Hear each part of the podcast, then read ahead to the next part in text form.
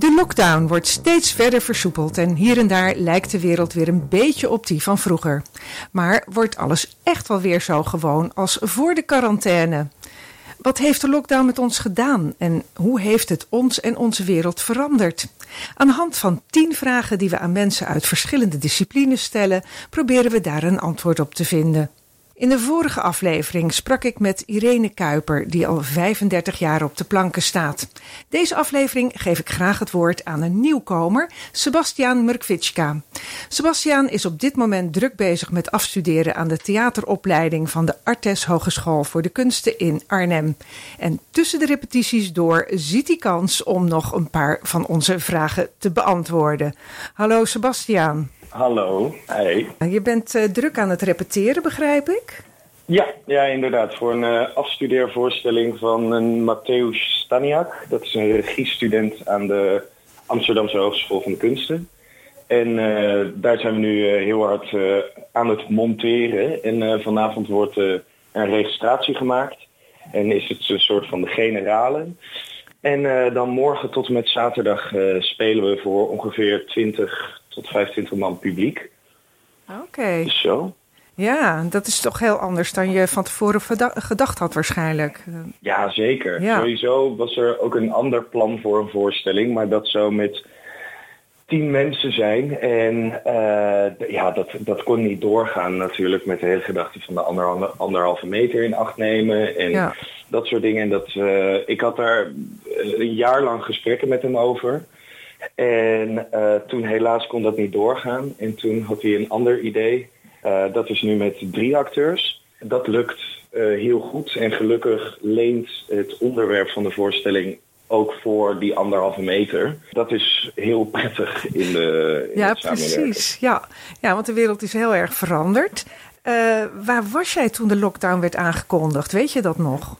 Ja, ja. Ik, ik, was, ik was thuis. Ik zat eigenlijk al twee dagen uh, in quarantaine, omdat ik toen bezig was met mijn scriptie. Uh, ja, toen hoorden we dus dat alles in lockdown ging. En in eerste instantie dacht ik, nou, dan heb ik een goede reden om continu aan mijn scriptie te zitten. En heb ik geen afleiding van buiten. het was uh, eigenlijk maar, een blessing in disguise, ja. Eigenlijk wel. En dat was voor meer van mijn klasgenoten het geval. Maar enkele klasgenoten hun stages. Er was ook een een klasgenoot van me die zou die dag dat de lockdown uh, was aangekondigd, uh, de eerste voorstelling spelen van zijn stage bij de toneelschuur.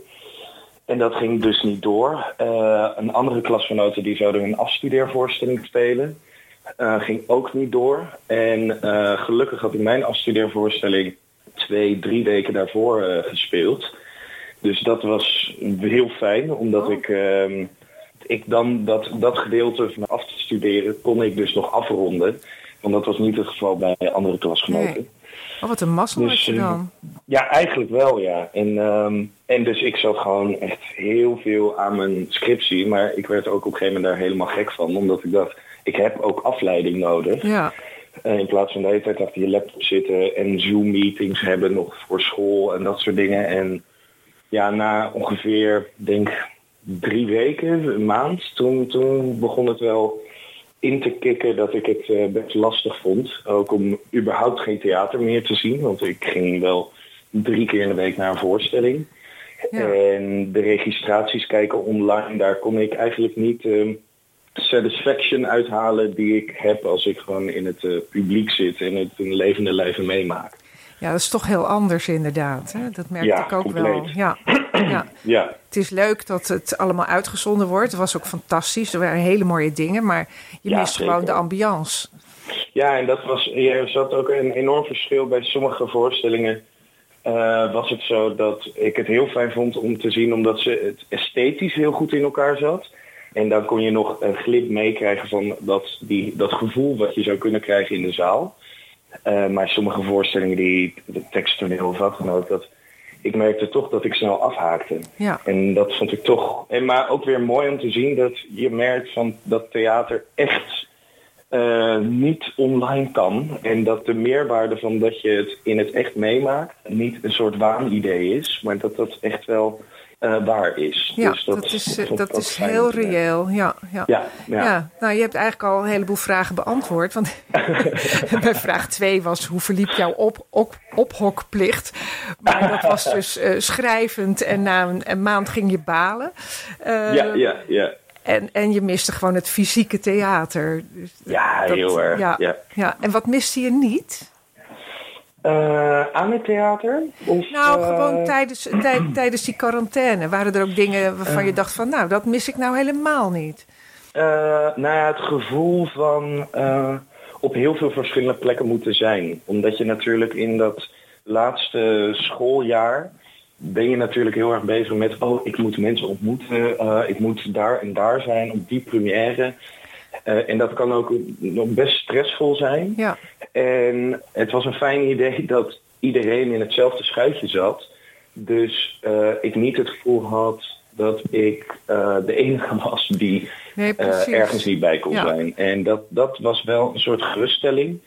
Um, en ook omdat natuurlijk, ook jegens alle andere afstudeerders trouwens, ik ben vorige week woensdag officieel uh, afgestudeerd. Oh, gefeliciteerd. Dus, uh, ja, dankjewel. dankjewel. Dus ja, maar dat, dat alle afstudeerders hetzelfde probleem hadden. Dus daarin kon ik wel nog rust vinden. Omdat Ja. je soms wel geneigd bent als laatstejaars om jezelf te gaan vergelijken met anderen. En dat dat dan nu zo was, ah, dan kan ik rust vinden in zelf, zelf ontwikkelen, zelf nadenken over wat wil ik ook graag maken. Want daar was ik ook veel mee bezig. Wat voor theater mis ik nu? Wat, Ja. eh, wa- waarom eh, werken bepaalde initiatieven die er zijn geweest tijdens eh, quarantaine, waarom werkt dat voor mij niet? Dat is dus die meerwaarde van theater. Ook op gebied van spel. En dat ik wel echt heel erg merkte dat ik ook zelf heel erg hou van de fysieke uitvergroting. En denk daarbij ook aan, als je het op film vastlegt, aan dingen zoals Mr. Bean of eh, mensen zoals John Cleese of eh, dat soort uitvergrotingen. Dat ik dacht, ah ja, daar is, vind ik voor mezelf wel dat die theatraliteit die ik ook kan vinden op de toneelvloer. En dat, dat, dat, dat zijn wel interessante gedachten geweest om mee te dealen als, als studerend acteur.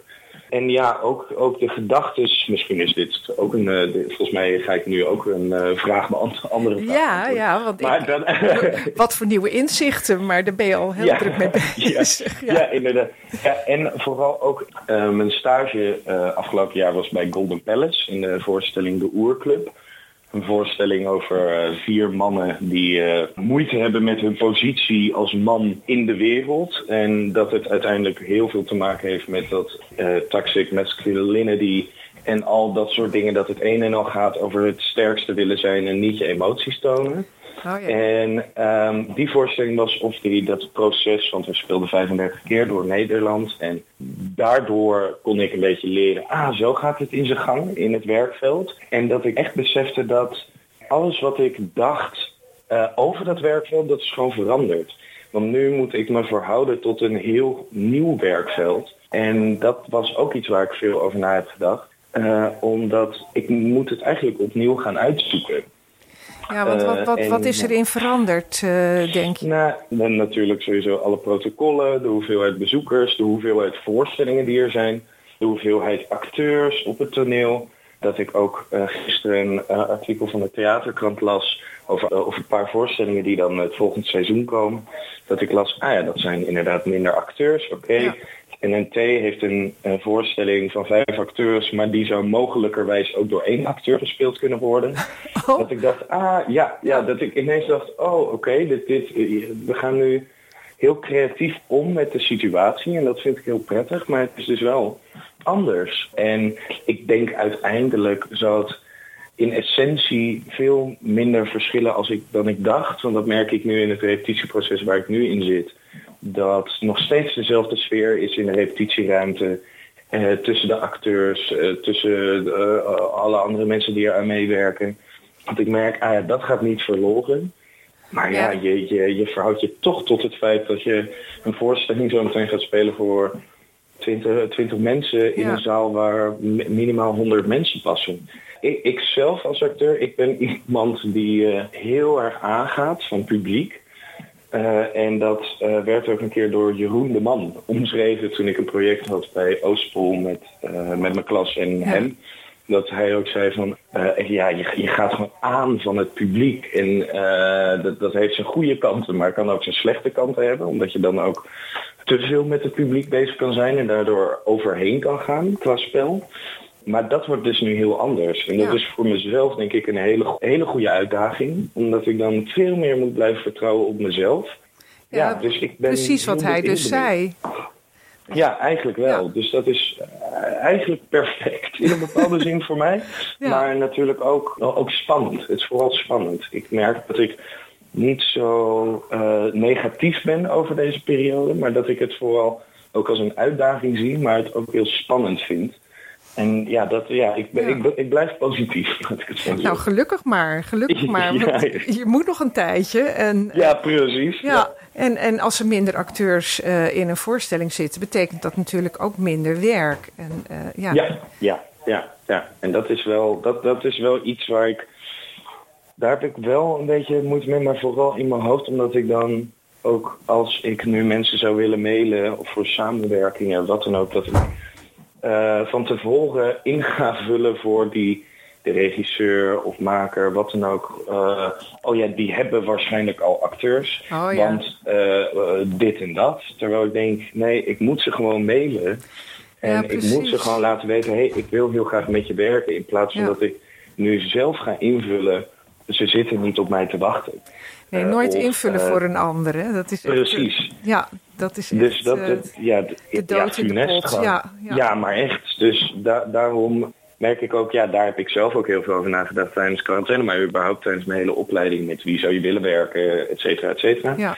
En dat, dat, moet, dat moet ik gewoon, gewoon doen en dus niet te veel gaan denken dat, er- dat er een soort zwart gat naar de toneelschool komt. Maar dat ik dat zelf kan invullen en dat zelf in Ja. de hand heb. Want zo is ook de toneelschool in Arnhem heel erg opgericht. Dat ze een soort autonomiteit verwachten na die vier jaar toneelschool van de acteur. Dat zij zelf ondernemend zijn. Ja. En, ja, want je eh, bent in feite ja. ook gewoon ondernemer. Hè? Dat, dat is Precies, heel anders ja, dan ja. vroeger. Ja. Nee, ja, heel erg. En, en eh, bij sommige acteurs eh, merk je inderdaad wel nog een soort vorm van afhankelijkheid. Ik merk dat ook bij mezelf. Dat die gedachte erin kan sluipen. Terwijl ik nu steeds meer merk in ieder project dat ik denk, ik ben. Ik zie mezelf eerder als performer of kunstenaar. Waarvan door een, iemand anders wordt gevraagd: hey, mag ik een beetje van jouw kunst eh, of mag ik een deel van jouw kunst in mijn werk toevoegen, zodat het eigenlijk een kunstwerk van ons allemaal wordt, Ja. in plaats van van de regisseur en de acteurs doen een dingetje. En dat merk ik nu ook in het repetitieproces nu, in de afgelopen repetitieprocessen, dat vanaf het moment dat ik als acteur heel veel initiatief neem, ik er ook voor kan zorgen dat het hele idee van de voorstelling of het personage of wat dan ook verandert. En dat is wel heel fijn Ja. om te voelen dat. Ja, je bent, je bent geen instrument, maar je vult zelf aan. Precies, Ja. ja. ja, En, dat, en dat geeft heel veel ja, zelfverzekerdheid ook Ja. als acteur. Dat je denkt, ja, het, het, eh, wij zijn ook gewoon kunstenaars en wij denken ook heel goed na over dingen. Ja, Eh, en ja, dat, dat, en dat vind ik heel interessant aan de tijd waarin we nu zitten. Dat het, een, eh, het ook heel erg gaat over het delen van verhalen met elkaar. In plaats van één verhaal en iedereen moet zich daaraan conformeren. Ja. ja, hoe mooi is dat? Ja, Ja. ja. echt super. Ja. Ja, ik heb nog één vraag. Eh, als jij minister van Cultuur was, wat zou dan het eerste zijn wat je deed? Oh, Eh, zo. Even Ja. inleven nu? Ja, nee. Ja. Ja, ja wat het eerste wat ik zou doen. Hmm. Nou, ik heb met, eh, ik weet niet of je dat hebt gelezen, maar eh, eh, vanuit een, een klasgenoot van mij is een soort initiatief gekomen voor de theaterkrant voor de lichting 2020 van alle afstuderende acteurs. Ja? En dat ik wel denk van, omdat het nu voor weinig publiek dingen gemaakt kunnen worden, dat ik wel denk dat ik het mooi zou vinden als er ruimte wordt gemaakt voor jonge makers om, dus ook acteurs, iedereen, dansers, uh, muzikanten, et cetera, om een plek te hebben waar je zonder resultaatgericht denken onderzoeken kan gaan doen. En zonder je te conformeren aan een productiehuis of uh, dat je maar in hun thema's past. Ja. Maar dat je zelf kan onderzoeken wat is het wat ik wil maken? Wat is het wat ik wil zeggen? Om zo productiehuizen ook te beïnvloeden door de maker. In plaats Ja. van dat de, het productiehuis de maker beïnvloedt. Oké, een soort Ehm, open laboratorium eigenlijk. Ja, ja, want dat is, ik merk toch dat waar ik het meeste moeite mee heb eigenlijk is dat je als acteur, als je ook andere acteurs spreekt, maar ook regisseurs en eigenlijk iedere, bijna iedereen die in het eh, theatervak zit, dat je je verhoudt tot, oké, eh, ik kom van school af, hopelijk zijn er projecten, ik ga mijn best doen, maar anders kan ik ook nog altijd in de horeca werken. Of Ja. dat je dus gaat zoeken binnen een vakgebied wat niks te maken heeft met eigenlijk waar je gewoon een diploma voor hebt behaald.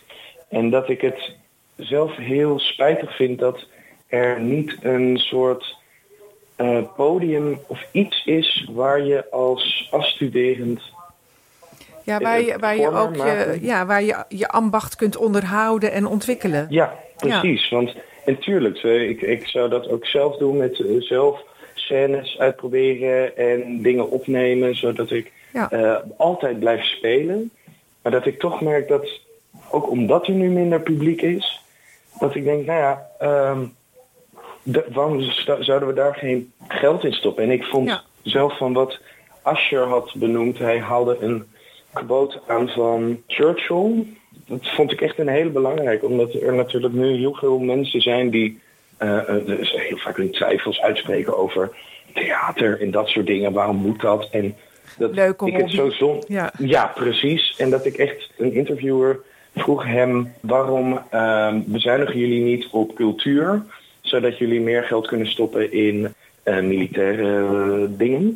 En dat hij toen reageerde, but what are we fighting for then? Precies. ja. En dat vond ik zo'n sterke opmerking, omdat ik het zo belangrijk vind dat mensen inzien dat dat is echt niet vanuit het idee dat ik denk mijn werk is belangrijk, maar meer van cultuur is heel belangrijk. Naar musea gaan, naar laat je inspireren, Ja. laat je fantasie los op de vrije loop. De- ga abstract denken in plaats van alleen maar theoretisch en logisch. Ja. Ehm, denk even als een kind. Want vrienden van mij die niet in het theater zitten of iets kunstzinnigs doen, naar een voorstelling van mij komen kijken, die vind ik meestal zinnige, meest, meer zinnige dingen zeggen over de voorstelling dan mensen uit het vak zelf, vind ik, omdat ze zo associatief kijken.